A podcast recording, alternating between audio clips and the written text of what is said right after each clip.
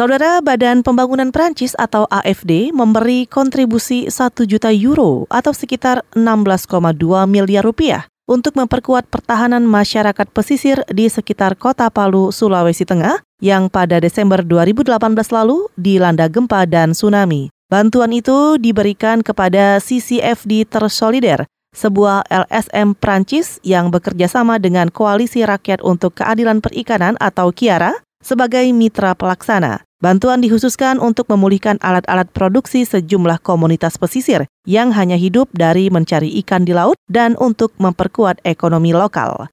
Duta Besar Perancis untuk Indonesia dan Timor Leste, Zhang Kale Betone, mengatakan negaranya yang sangat responsif dan senang bisa membantu pemulihan ekonomi lokal di Palu, termasuk memberi 650 kapal kepada nelayan lokal korban gempa dan tsunami.